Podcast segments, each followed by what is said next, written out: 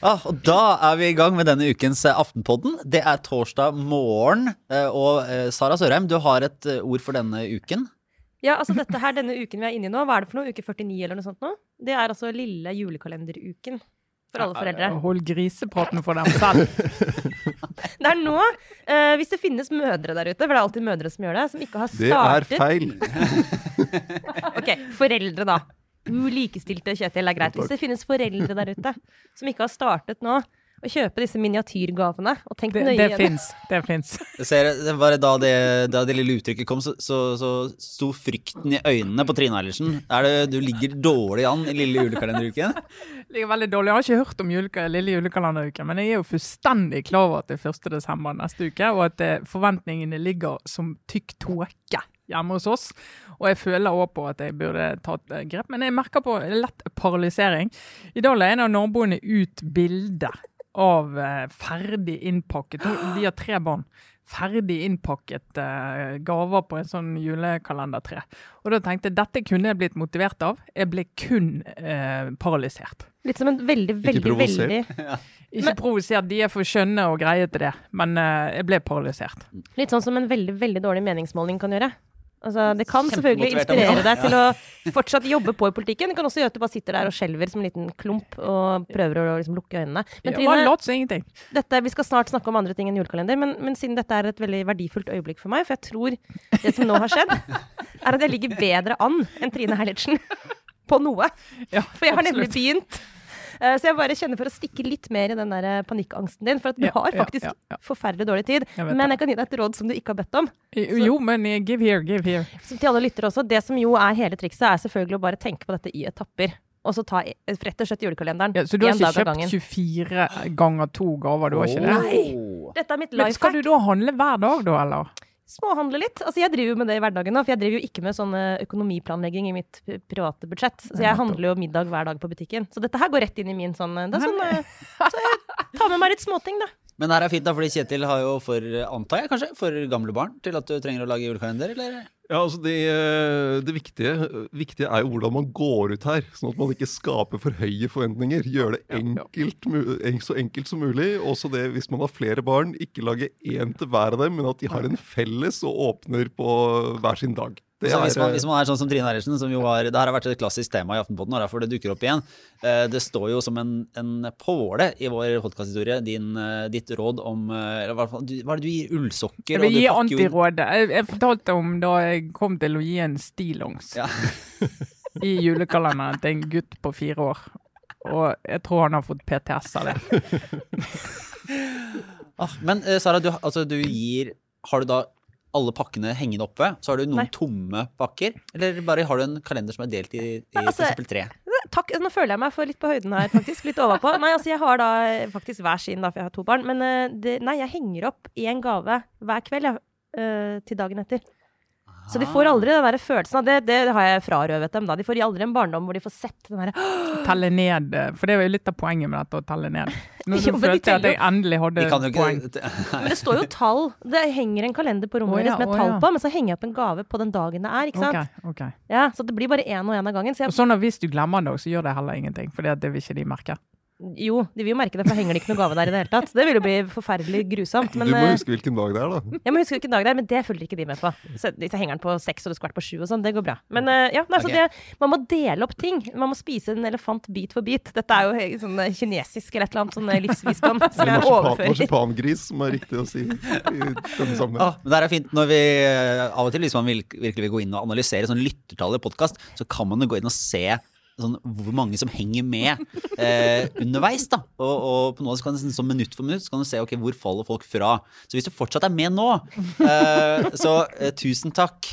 Eh, fordi det er jo litt annet som skjer denne uka i norsk politikk. Ikke nødvendigvis så veldig veldig mye. Det kan jo også skje at eh, det skjer en del i internasjonal politikk. Og eh, Øystein Langberg og Kristina Pletten har laget en ny eh, utgave av Aftenpodden USA, som ligger ute på aftenpodden.no og på våre nettsider og i appen.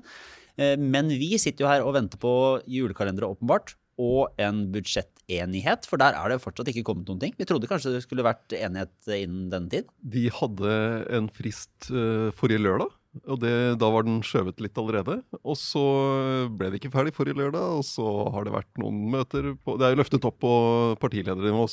Det er uh, Frp-leder Siv Jensen som nå kommer til statsministerens kontor, og så møter hun partilederne i regjeringen.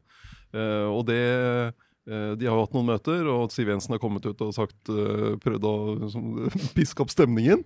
Men det som er fascinerende her, er jo at det er ingen krisestemning. Det er, liksom, det er så vidt det registreres. Det er, eh, det er, alle er opptatt av andre ting. Og det er, det er et problem for Fremskrittspartiet her. at det, er Hvor er budsjettdramaet? Nå er de altså, Veldig langt på overtid. I fjor på den tiden sto det jo journalister utenfor døren ved statsministerens kontor og hjemme hos Erna Solberg og ventet på at de skulle komme ut og drama. Har du fått noe, har du hørt noe? Og live på TV og i Dagsrevyen og overalt. Ikke i år. Ja, for, for jeg lurte på det at på vei ned, så nå siden jeg egentlig er i, i eller stort sett er i permisjon i løpet av uka, så jeg følger jo fortsatt med på mye, men jeg er jo ikke like tett på som jeg jobber, naturligvis. Og så var det sånn, jeg tenkte på det, Er det egentlig noen som bryr seg? Er det egentlig så farlig? Trenger de å bli enige? ja, og ikke det... minst, Hva er det egentlig de krangler om? Altså, liksom, for at De har blitt enige om det aller viktigste, som var krisepakka og liksom, koronahåndtering. Som er det som, som, er faktisk viktig. Så jeg, husker, jeg blir helt sånn, Hva er det knapper og glansbilder? Hva er det de sitter og holder på med? liksom? Altså, det er en sånn følelse jeg har også, Lars, som er litt sånn Dette kan da umulig være så viktig at man må liksom true med regjeringskrise. Nei, det er, det er, noe med eh, altså, sånn som, altså Kvoteflyktninger er jo fortsatt et uløst problem. Uh, Frp vil kutte i antall, og Kristelig Folkeparti og Venstre vil ikke gjøre det. Men det er jo da en, en krangel om kvoteflyktninger som per i, dag i hvert fall ikke kommer til landet pga. koronasituasjonen. Så det føles jo ikke som et sånn veldig akutt problem. Men det er ikke sånn strømmer over grensen med asylsøkere og ja. Nei, så du har ikke Det er ikke, et, det opp, det er ikke en stor sak i offentligheten eh, at det kommer for mange flyktninger og asylsøkere eh, til Norge akkurat nå. Og så har du det andre som er det grensehandel, eller en av de andre tingene, som er grensehandel, og det å få billigere alkohol og tobakk. Og det er sikkert mange som kan tenke seg det, men akkurat nå så kan du uansett ikke reise over grensen. Og Litt dårlig timing, rett og slett. Ja, og skal du lage liksom Hva skal jeg si Spritregjeringskrisen midt under en pandemi? Det er, men, det, men det er jo altså Senterpartiet har jo da etter en dipp i sommer de har klart seg godt som eh, opposisjonsparti i pandemien. Frp har ikke klart det. Mm. Og det er, eh, så den strategien det Fremskrittspartiet håpet på da de gikk ut av regjering mm. i, i januar, var jo å kom, ta tilbake en posisjon eh, som opposisjonsparti og ta tilbake, hente tilbake velgere bl.a. fra Senterpartiet. Og det, det, fungerer jo ikke. De ligger omtrent der de lå da de gikk ut, og Senterpartiet er ellevilt høyt. Mm. Men er det altså, viser det seg at eh, det er jo samme problematikken som KrF og Venstre hadde da de var riktignok først eh, altså partier med en samarbeidsavtale, og så, så var det medgjørlige eh, opposisjonspartier, og etter hvert inn i regjeringen. Da. Men, men, da var jo også utfordringen at det var jo ikke noe reell forhandlingsmakt. Det var ikke noe sånn Eller det var kanskje mer da, men, men nå da, i hvert fall med Frp. Du, du, har ikke noen ordentlig tro på at de kommer til å felle denne regjeringen. Altså, går det an å være et opposisjonsparti light? Er det, sånn, er det en, en, faktisk umulighet, eller er det at de ikke gjør det, det bra nok, eller at omstendighetene gjør det vanskelig? Det har, altså, for et år siden så var det jo da var det jo flertallsregjering. Og så For to år siden så var det KrF som var utenfor, og da hadde de jo bestemt seg for at de skulle prøve å gå inn i den regjeringen, så da var det jo ikke så spennende. Men det hadde jo eh, et tidspunkt da det var, var nesten det var på randen av, uh, av, krise med Venstres krav om Eh, på miljø- og, og drivstoffsiden. Eh, men de har på en måte Det er jo ingen av de delene, den, verken den der medgjørlige eller den veldig aggressive uh, rollen som har, fungert sånn Det er ikke noe lett å se hva som er den åpenbare gode strategien. Men det handler jo veldig om hva er det som er saken. Hva er det folk er opptatt av? Og du må treffe på det også. Mm.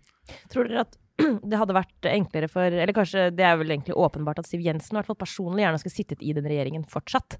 Uh, men hvis de hadde forutsett den aldri så lille pandemien som kan skylde den inn, som jo man ikke kan anklage Frp for ikke å ha gjort, for det var det vel ingen av oss som gjorde, men, men uh, det hadde vel kanskje sånn hvis man kan tenke på det, sånn teoretisk sett, i hvert fall, vært enklere for Frp å sitte i posisjon nå, heller høste litt mer sånn fruktene av å faktisk ta ansvar. Ja, hadde de jo i hvert fall vært på, med på de ukentlige pressekonferansene og fått lov å snakke om eh, om hvordan de styrer landet og hvor mye penger de gir og krisepakker og alt, men nå får de jo ikke det heller. Altså, faller mellom to stoler. Det blir verken, for verken liksom, noe løft med å være ansvarlige og, og, og, virke som de kan ta ansvar, og får heller ikke noe løft som opposisjonsparti. Så det er på en måte bare egentlig å gå hjem og vente til det går over. Så er det jo, Velgerne har jo ikke glemt at de satt i regjering. De har en ryggsekk med over seks år i, i regjering, så mye ansvar, og de er, de er, fortsatt en del av et flertall. De er uh, regjeringens uh, samarbeidspartner, så de, de greier jo ikke helt å fri seg fra det ansvaret de har for, eh, for, det som har skjedd siden 2013. Men er det, altså hvis dette hadde vært en normal situasjon, hadde det vært i FrPs altså, interesse å ikke stemme for et budsjett i år? Og på en måte velte regjeringen et år før valget?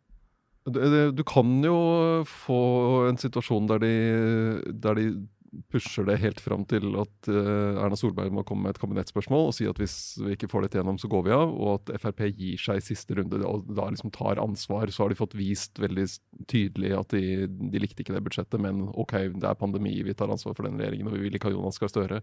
Men det er jo altså, Hvis du ser hvordan situasjonen er på målingen nå, hvor, hvor, uh, hvor godt det går for Senterpartiet Eh, det å, å Det som kunne endret det spillet, var jo en regjeringskrise. Ja, ja. Hva ville skjedd da? Jo, altså fordi ja, det må jo det kan jo overhodet ikke være verken Støre eller Vedums eh, plan å plutselig nå måtte ta ansvar. Altså, selvfølgelig For Jonas Gahr Støre var det en fordel at han vil da eventuelt komme inn i en regjering hvor han vil ha mye større gjennomslag, fordi han da baserer seg på valgresultatet fra forrige gangen. Og sannsynligvis ville det bli et dårligere resultat for Arbeiderpartiet til høsten. I hvert fall ville maktbalansen mellom Arbeiderpartiet og Senterpartiet bli um, forrykket. da. Sånn sett kanskje vært deilig for han å komme inn nå, men, men altså, det må jo være et helt, det må jo være et vanvittig mareritt å snuble inn i regjering nå plutselig et halvt år, og så blir det, før tiden.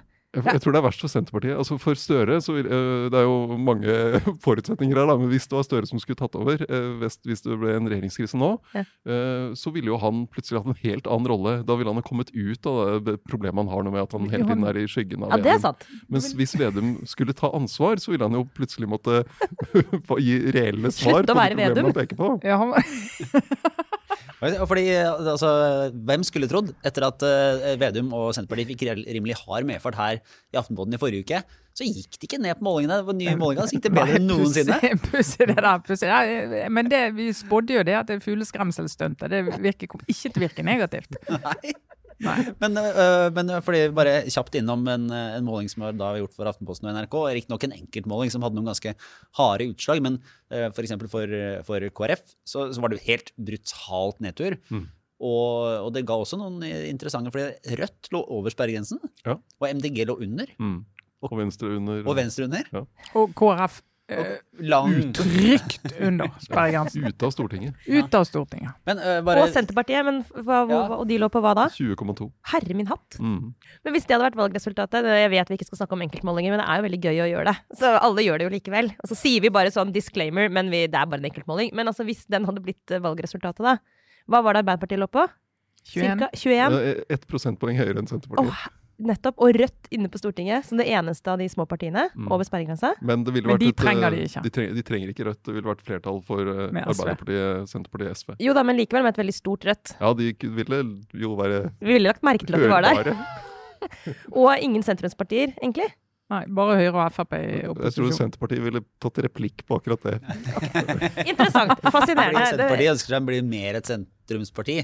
Uh, samtidig som det nå skjer denne helgen at MDG sjokk og vantro eh, beveger seg eh, et ørlite steg bort fra sentrum. Eh, de, landsstyret har nå innstilt si, Landsstyret skal ta et valg nå i helgen, basert på en innstilling fra sentralstyret om å velge hva skal si, rød-grønn side før valget i 2021. Nå er det vel, De vil vel holde fast på sin grunnleggende posisjon om at de er blokkuavhengige, altså, men de må velge en blokk. Altså primær, primær ønske til MDG er jo at miljøpartiene skal slå seg sammen. SV, MDG og Venstre. At de skal si at uh, vi ikke tenk blokk, tenk klima og miljø. Og det kommer jo ikke til å skje. Men jeg forstår de på den måten at de skal inn i en valgkamp, og så vet de det at uh, nå må vi enten uh, si Men dette har vi diskutert mange ganger, hvor klokt det er å gjøre det. Men i den situasjonen vi er, så tenker jeg at det er bare for å få parkert en problemstilling.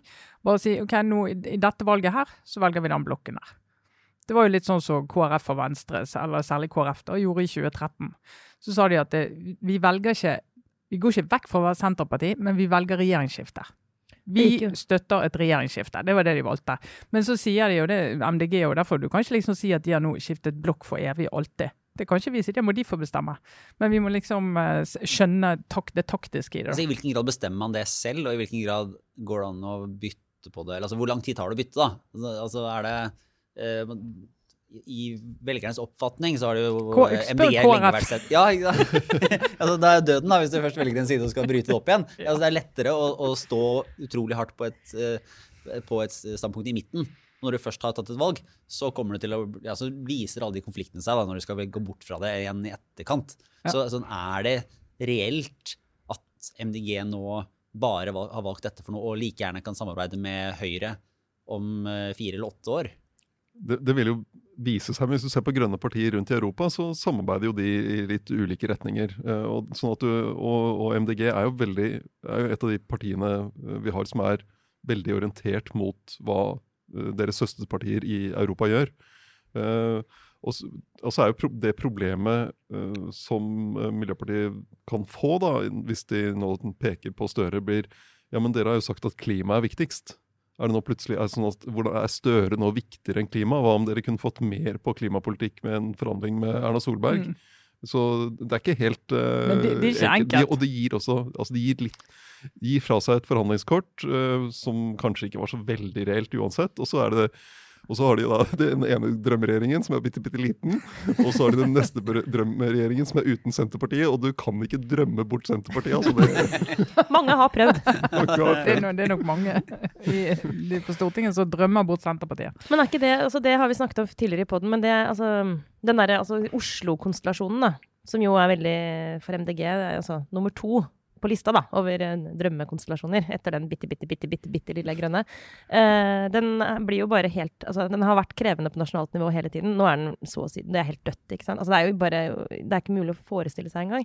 Så hvordan liksom de forholder seg til at de kan I Oslo sitter de jo med makta, er jo premissleverandør for politikken i hovedstaden. olje, har ikke oljeboring og oljeindustri i Oslo? Nei, det skal de være veldig glad for, men det er bare, må være veldig rart å si for det partiet. Jeg kan ikke tenke meg noen andre partier med så stor kontrast mellom hva som er mulig for dem å få til lokalt, og som må være komplett umulig på et nasjonalt nivå. Det er nesten så MDB bare MDG bare skulle blitt et lokalparti, liksom. Altså, Og latt være å stille til Stortinget. ja, men de er jo helt låst der. Altså det er, og så lenge Frp også er i um, det mest, den mest sannsynlige samarbeidspartneren til en høyrestyrt regjering, tross alt, i hvert fall eh, den største, så vil jo det også være Kjetil, helt umulig for MDG å støtte en regjering eller gå inn i en regjering med Fremskrittspartiet. Ja, Så- så, da, da måtte jo MDG, altså Frp blitt mye mindre, og øh, Høyre, Venstre, KrF øh, store nok til at de kunne danne flertall med MDG. Og det, det ser jo det er, veldig, det er veldig langt unna det på målingene nå, men, men så hva, hva kan skje altså hvis både Venstre, KrF og MDG kommer over målingene, Høyre gjør et godt valg og rasker til seg velgere fra Frp?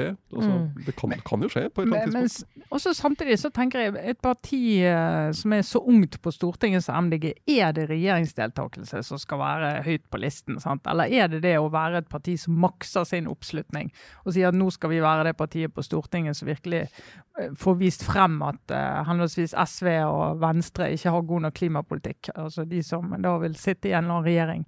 Og liksom få pushet de, da. Og på den måten få Litt sånn som Carl I. Hagen egentlig har tenkt på innvandring. sant? Han har jo alltid sagt det at ikke altså, Frp må ikke sitte i regjering. Vår jobb var jo egentlig bare å dytte Høyre i en retning som gjør at du får tatt de problemstillingene inn. Og så har de jo dyttet både Høyre og Arbeiderpartiet i den retningen eh, på innvandringspolitikken som de har vært opptatt av. Og det kan jo, altså For MDG det kan være fornuftig å tenke det fremfor å tenke regjering. For jeg tror Hvis de skulle gått i regjering på en eller annen måte nå, så tror jeg de hadde blitt veldig, veldig små og fått veldig mye kjeft, og kanskje forsvunnet ut av Stortinget neste gang.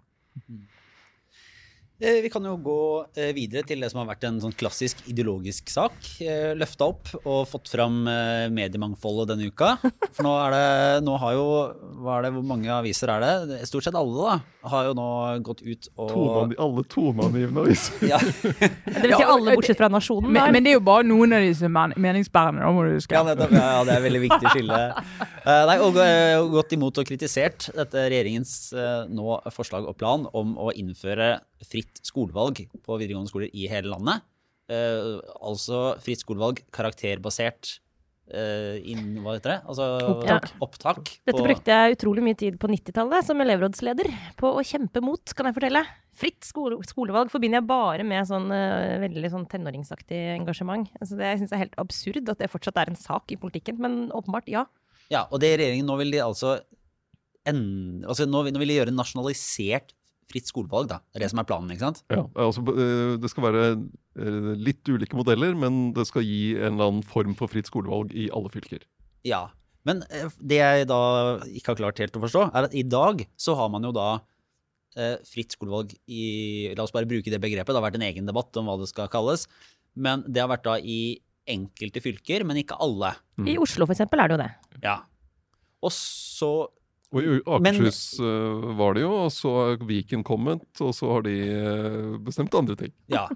Men altså, jeg bare skjønner, er det, noe, er det noe forskjell i praksis? Fordi det virker som at man hadde et system som der utgangspunktet var at eh, det var en nærskole eller prinsipper som gjelder, og så kan noen fylker innføre fritt skolevalg. Og så nå virker det som man bare snur det rundt. Og så sier man at eh, nå skal det i utgangspunktet være fritt skolevalg, men fylker kan innføre et nærskoleprinsipp. Altså, er, det, er det bare retorikk, eller er det noe eh, faktisk eh, politikk i dette her? Kommer det til å endre hverdagen for mange skoleelever? Ja, hvis, hvis du hører på eh, Hvis man ser på høringen som var på, om den saken, så var det jo massiv motstand fra, mot å gjøre den endringen fra kommuner, fra NHO, fra ja. Og, og da, apropos lederne, så har vi jo denne uken så Det er jo sjelden det skjer. da, så har, har eh, Klassekampen, Dagens Næringsliv, Dagbladet og Aftenposten alle vært enige på lederplass om at dette er et dårlig forslag. Med litt ulik begrunnelse. Det er jo noen som er imot fritt skolevalg. Eh, Jeg mener at det, det er en god ting, men, men det, det er et langt og upraktisk land, så det er litt sånn ulikt hva, hva som passer. Og så det viktigste er dette er noe som man bør ha i, i Mm. fylkespolitikken. Dette er noe velgerne bør kunne være med på å bestemme, og du bør ha en politisk avgjørelse i fylkene. Helt, altså Absolutt. Altså Fritt skolevalg, eh, karakterbasert opptak, kall hva du vil, i Oslo er noe helt annet enn i Nord-Trøndelag eller Trøndelag. En helt annen debatt. Eh, I Oslo så diskuterer du jo det med utgangspunkt i en haug med skoler som ligger relativt nært hverandre. Eh, hvis du plutselig skal oppheve det i morgen og si at et, du skal gå på den skolen som er nærmest, eh, så har du jo mange skoler, eh, de mest populære skolene i, i Oslo, der er det jo nesten ingen som bor i nærheten av, nede midt i sentrum.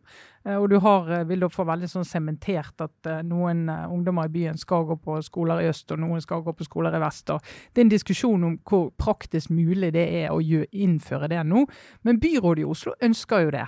Å endre på den modellen de har nå, og har en diskusjon om det. og det er en type sånn Burde vært en valgkampsak eh, i Oslo. og Det bør det være i alle fylker. Du kan se på hva, som, hva utfordringer har vi i vår skolekrets, om du vil. Dette er jo videregående skole det er snakk om, det er jo kun det. Eh, og hva er riktige løsninger for oss. Det er jo det som er problemet med uansett hva du mener om fritt skolevalg.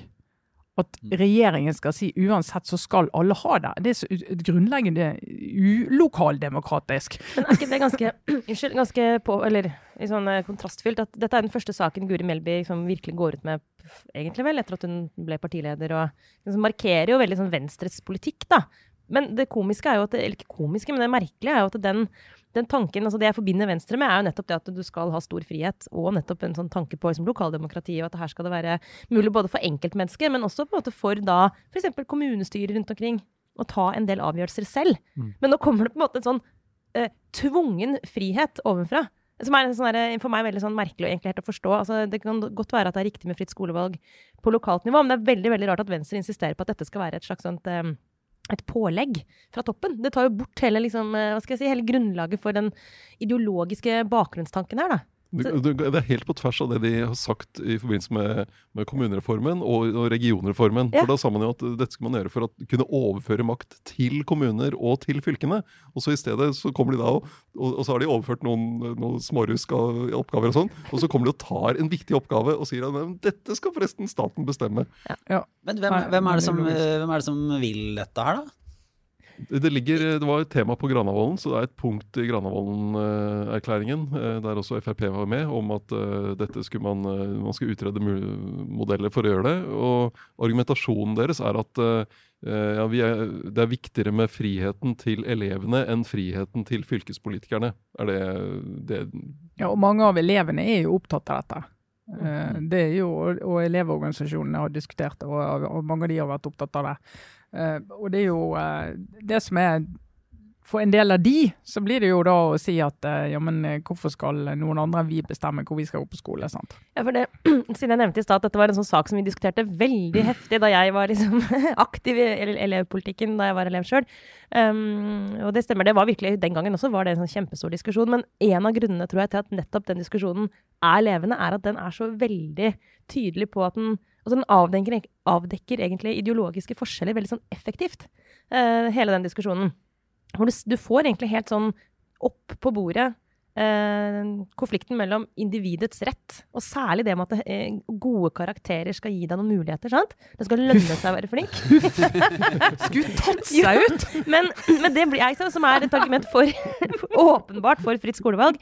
Men så har du også hensynet til at du ønsker å holde på eh, en, liksom den, den miksen, da, altså enhetsskolen. Og det husker jeg, jeg som da den gangen var sånn knallhard mot fritt skolevalg. Eh, kan jeg i ettertid tenke at det kanskje uansett Ja, men da var jo begrunnelsen, og det er den jo egentlig fortsatt, at det eh, at du skal gå på nærskolen, det sørger for å opprettholde en sånn sunn balanse i, eh, i, i den norske skolen, og at det er veldig uheldig med sånne A- og B-skoler. da. Og i Oslo er det her veldig, veldig, altså, et veldig sånn brennbart tema, fordi du vil jo få eh, understreket en del sånn sosiale forskjeller og klasseforskjeller, da, eh, vil mange hevde, gjennom at det er fritt skolevalg, fordi at de flinke liksom, samler seg på ett sted. Så det er en helt sånn, det er en, det er, jeg syns ikke det er en sånn åpenbar eh, sak å ta stilling til Det er ikke så lett å løse. sant? Og typisk i Oslo så kan du ha, eh, som en eh, sentral eh, politiker i Oslo sa for noen år siden, at de pakistanske jentene, da, etniske jentene på østkanten som jobber som beinhardt for å komme inn på medisinstudiet, de jobber liksom av knallgode karakterer. Det eneste de drømmer om, det er å få lov å komme på en skole et annet sted i byen der de kan gå sammen med andre elever som også har lyst til å være god på skole, og der det blir verdsatt, og der du kan liksom være i et miljø som, og ikke at du er bundet til der du bor, Mm. eh, der kanskje ikke alle har de interessene du har. Du får muligheten til å velge med utgangspunkt i interesser. Skal ikke de få lov til det fordi at de tilfeldigvis bor på feil side av byen? Sånn at det er ikke sånn det er ikke bare å si at nå stenger vi og sier nå skal alle dere gå her og alle dere gå her. Men Og, så, det nett, og det er jo det de har slitt med byrådet i Oslo òg. Det er å finne greit, vi vil ikke ha det sånn som i dag, for vi ser at du forsterker forskjeller. og At du har noen skoler der det er faktisk ikke karakterer engang for å komme inn i praksis. Mm. For det er så få som søker dit, mens du har andre der det er helt elleville nivåer for å komme inn, og du får forsterket forskjeller. Men hvordan skal de gjøre det? Det er jo Mm. det de sliter med. Men liksom, det er jo helt påfallende hvordan dette her altså du kan, Det er nesten et sånt valg man må ta. Skal man, skal, man, skal man løfte de som er flinke, ytterligere? Og det er det veldig mange gode argumenter for å gjøre. Altså, det, altså Som jeg sa, det skal lønne seg å være flink, men også at det er helt åpenbart fornuftig å sette flinke elever sammen som kan løfte hverandre. Og du får på en måte et veldig høyt, du får jo høyt nivå på den skolen og på undervisningen og alt mulig. Eller skal du prioritere de andre som ikke har den eh, motivasjonen, og som rett og slett ikke har de gode resultatene? Og si at de har veldig veldig godt av at de går på skole sammen med folk som er flinkere enn dem. Det er bare helt klassisk sånn problemstilling. Hvem, hvem, skal, du, hvem skal du prioritere? Det er Ja. et Men ekte du kan snu dilemma. litt også. Skal du, skal, du, skal du faktisk motivere folk til å gjøre en innsats? Og liksom prøve å strekke seg for å, for å få den premien at du kan gå på den skolen du har aller mest eh, lyst til å gå på? ja. Men det er Ja, veldig og, sånn skal du, på og skal du, når du, hvis du er 16 år, alle her har jo vært 16 år, det vil jeg påstå. Eh, og jeg, veldig mange er jo i en litt sånn brytningstid, da. Og hvert fall både når jeg ser på meg sjøl og jeg ser på 16-åringer rundt meg, mange av de det er akkurat da de har mest behov for å bytte miljø. Sant? De har begynt å finne ut av sin plass i sin gjeng og sitt nærmiljø. Og finne ut vet du, jeg passer et annet sted. Jeg har lyst til å dra et annet sted, der jeg har lyst til å treffe folk som er mer lik meg sjøl. Og det, Du begynner å komme i en alder der skal du få lov å ta det valget, eller skal du da av hensyn til alle de som har lyst til å være lik det de har vært i 16 år, eh, så skal du være der? Eller skal du få lov å dra? Fremmed, fremmede problemstilling fra jeg vokste opp i Bø i Telemark. Det var, det gikk på en barneskole, en ungdomsskole og en videregående skole. Det var eh, det men lille alternative tegning, form og farge i Lunde, eller uh, musikk, dans og drama i Skien. Og ellers så Ja, og Du ser hvordan det det gikk med deg, Ja. Lars. Du kunne jo ha gått mye bedre hvis du gikk på dans og drama. Det er jeg helt Altså, sikker Hvilke muligheter dette livet kunne hatt. Men apropos musikk, dans og drama, og en, eh, bare en liten oppdatering fra Underholdningsuniverset. Jeg ble så glad da jeg så at i Skal vi danse, Andreas Wahl, som vant den hele greia, Ja. på et tidspunkt så danset han vendepunktet i livet, som var sine somre med jobbing i sommerland i Bø. Andre valgte øh, vendepunkter, øh, har jeg hørt. Jeg har ikke sett på Skal vi danse noen gang, faktisk. Men jeg hørte, har hørt rykter om at andre deltakere valgte som type vendepunkt som da jeg fikk mitt første barn, eller da jeg traff uh, min store kjærlighet. Mens han prioriterte altså sommerjobben i Bø, da. Altså, det har jeg 100 uh, uh, sympati for. Og hvis jeg noensinne skal, skal danse en hans eh, som fanger et vendepunkt, så skal jeg ta min tid som parkeringsvakt i Sommerland. Da Ikke som CEO i Aftenpodden, altså? Uh, Nei, det blir eh, Det var en naturlig videreføring av den karrieren, vil jeg si. Ja. Ja. Nei, men Vi tar en uh, kjapp liten runde med obligatorisk refleksjon før uh, dette uh, går inn i helgen. Åssen er det med deg, Sara? Jo, jeg brukte litt tid denne uka her på en gammel sak som egentlig har fulgt meg hele mitt forrige liv. Altså mitt forrige liv som kulturredaktør. Som jo egentlig nå blir det finere og finere nå, jo lenger tiden går. Det er rart med det. Men det var jo litt slitasje på enkelte saker den gangen. Altså, det, var noen, det er noen sånne saker som bare aldri går over. sant? Så man blir liksom bare til slutt helt sånn gal av å skulle kommentere. Y-blokka er revet nå. Y-blokka. Y-blokka er et eksempel på det, definitivt. La oss bare bruke to minutter på en kort eh, fot i bakken på Nasjonalmuseet. Så det har vært en sånn Altså Nasjonalmuseet for kunst, arkitektur og design, som det faktisk heter. Det har vært en sånn forferdelig sak i norsk liksom, kultur og kulturpolitikk. Altså I hele mitt voksne liv, helt fra den beslutningen ble tatt om at man skulle samle disse statlige museene til ett stort museum. Sånn, dette var jo en berømmelig en, en sånn kongstanke. Det lærer man ofte på lederkurs, at man, du må velge deg en kongstanke. Det er liksom så flott å ha det. Veldig ofte kongstanker dritt. Det blir bare trøbbel. Altså Det er altså en, sånn, sånne ideer som skal favne liksom alt. Det norske hus. Det norske hus. Norske Nasjonalmuseum. Ja. Det går nesten aldri bra, eh, og dette har jo ikke gått eh, så veldig bra. Men det er jo fortsatt et håp da, om at det skal bli en gang et Det blir jo. nasjonalmuseum. Ja, altså Det blir jo et nasjonalmuseum, men altså det er jo helt utrolig nå. Det Men, altså, men altså, dette bygges nytt.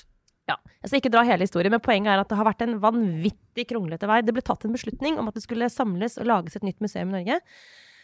Og så har det vært vanvittig mye krangling. Ingen har villet det. Det har vært flere direktører som har kommet og gått. Jeg kan jo minne om Sune Nordgren. Tenk alt det bråket rundt han. Det handlet om akkurat samme sak.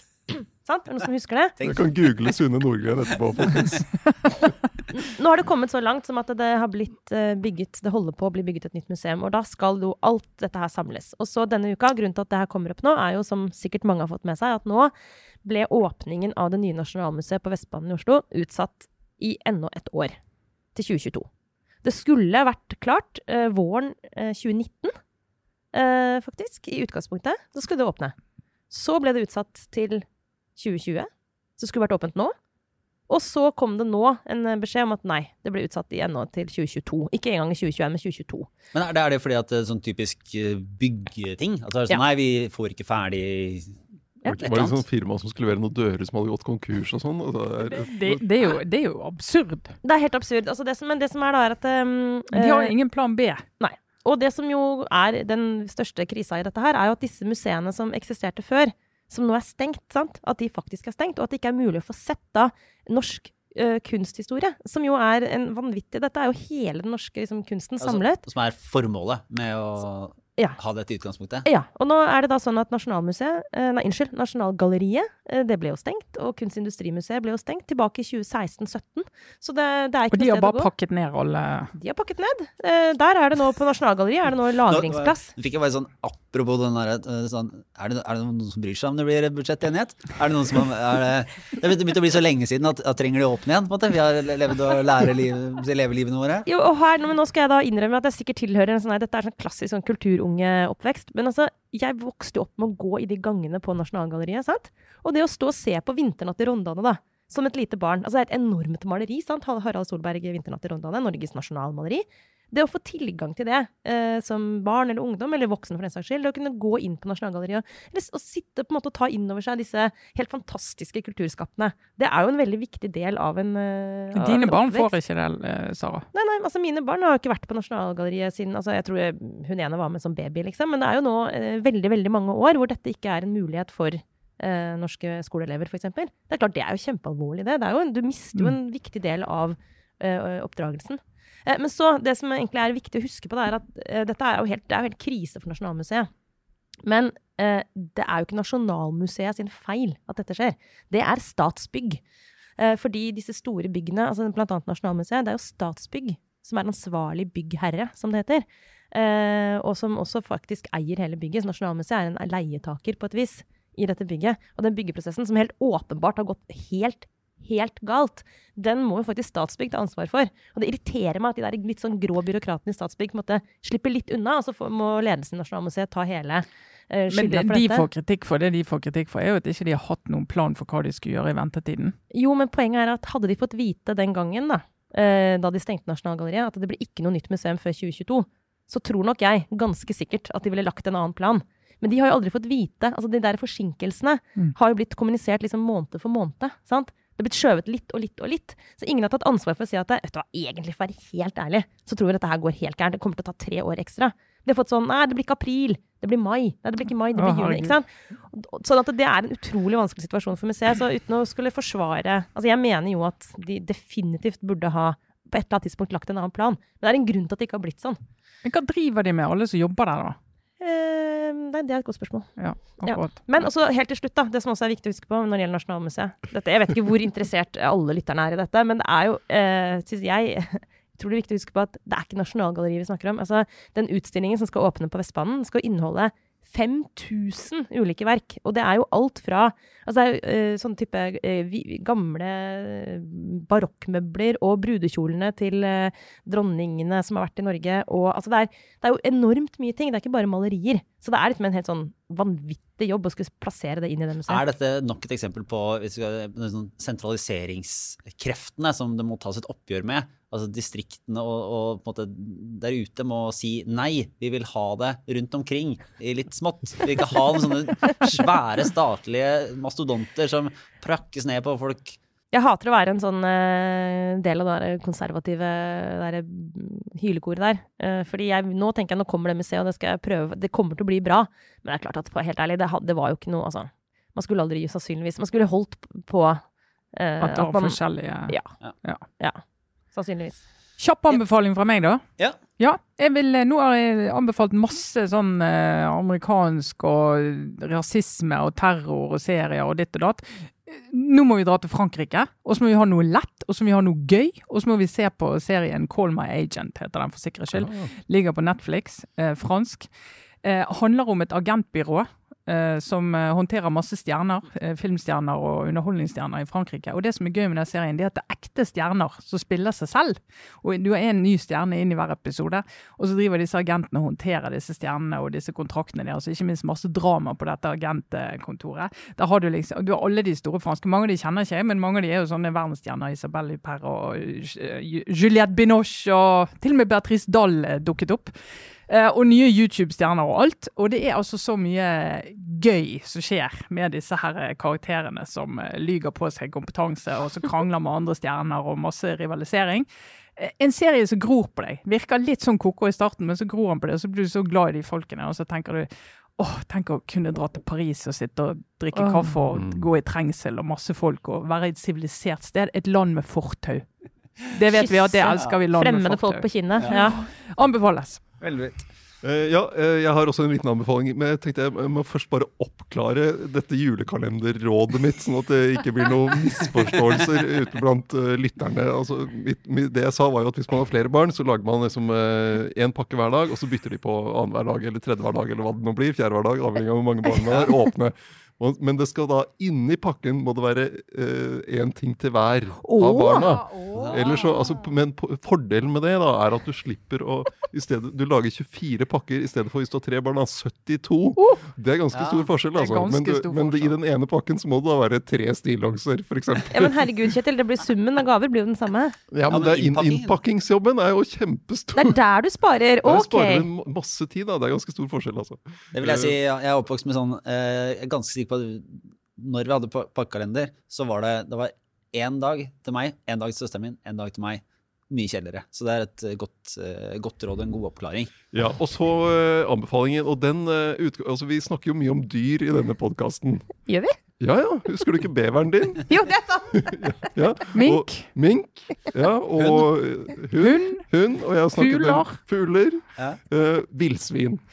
Vi Ja. må snakke om villsvin. Det er et kjempespennende tema. Der kommer det jo ja, det, altså, uh, Svenskene har masse villsvin, og de kommer invaderende inn over uh, norskegrensa. Og de, de roter, og de ødelegger avlinger. Og de kan spre, i verste fall, afrikansk svinepest. Nei, det orker jeg ikke mer sånn Nei, greier som og det vil du ikke ha. Den er også, akkurat som eh, korona, så er den sånn du kan smitte før du har symptomer. Oh. Og det er, altså, det er ekstremt alvorlig dyresykdom, og hvis man får inn det, så er det krise. altså. Den kan smitte fra villsvin til tamgris osv. Eh, og, det, og, og det er jo altså, En, en villsvinråne, altså hannen, kan bli oppi 250 kilo stor Du, Kjetil, og sint. Du kan ikke komme drassende med sånne skrekkting sånn på tampen. Altså, hva er dette for noen forferdelige scenarioer? Altså, og, og, og landbruksminister Bollestad sier at vi, det er ikke realistisk at vi greier å utrydde dem. De kommer til å være der. Man må liksom prøve å holde dem nede, men vi blir ikke kvitt dem. Og da er anbefalingen Asterix. ja, Asterix og Obelix. Eh, Så ser man hvor gøy det blir. Og så kan man høre på en episode fra Reply All som heter Feral Hogs. Ja! Ja, har du hørt Den har jeg hørt. Ja, som handler om det Det er ikke nødvendigvis akkurat villsvin, men når europeerne da de kom over, så tok de med seg gris. da, Og så bare slapp ut i skogen, og så kunne de liksom gå ut og fange en når de trengte mat. Og de har jo da formert seg og blitt et kjempeproblem i deler av USA, bl.a. i Texas, der de ødelegger for for uh, landbruket og, og skremme folk og liksom uh, Ja. Og, du, og, og problemet der er jo at det blir en sånn business i det å, å tillate folk å jakte på dem. Og de jakter fra helikopter og med sprengstoff og mye rart. Ja, du kan, ja, du kan gjøre hva du vil, men sånne, disse si, masseødeleggelsesvåpnene du kan uh, ha med deg på butikken, det kan du bruke da, for å skyte disse grisene, hvis jeg har forstått det riktig. Så den er fascinerende å høre på. og det, Vi vil ikke komme dit, for å si det sånn. Feral Hogs fra Reply All, en episode fra i fjor høst. Ja. Jeg kan bare komme med et kjapt eh, råd, som kanskje ikke gjelder så mange, men eh, det fra det virkelige liv. Hvis man tilfeldigvis har kjøpt seg sånn eh, sykkelvogn og skal ha et barn baki, så eh, trenger det ikke, selv om det ikke regner, men bare er vått på bakken, så blir det vått i den vogna. Jeg kom meg halvveis rundt Østensjøvannet, kikka bak meg. Der lå babyen eh, dynka i sånn sølvann og gjennomvått. det har ungen bare godt av, og ikke minst immunforsvaret til ungen. Ja. det, Det blir bra. praktisk lite råd i rekken av eh, praktiske råd fra Aftenposten denne uka. Jeg minner igjen om at Aftenposten USA har en utgave som kom ut på tirsdag med Øystein Langberg og Kristina Pletten, som ser litt på Trump-verden og Bidens nye kabinett. Så den finner du på aftenpodden.no og på nettsidene våre. Og så er vi tilbake neste uke med kanskje en enighet i budsjettet, eller eventuelt en regjeringskrise. Det får vi se. Det var det for i dag. Ha det bra.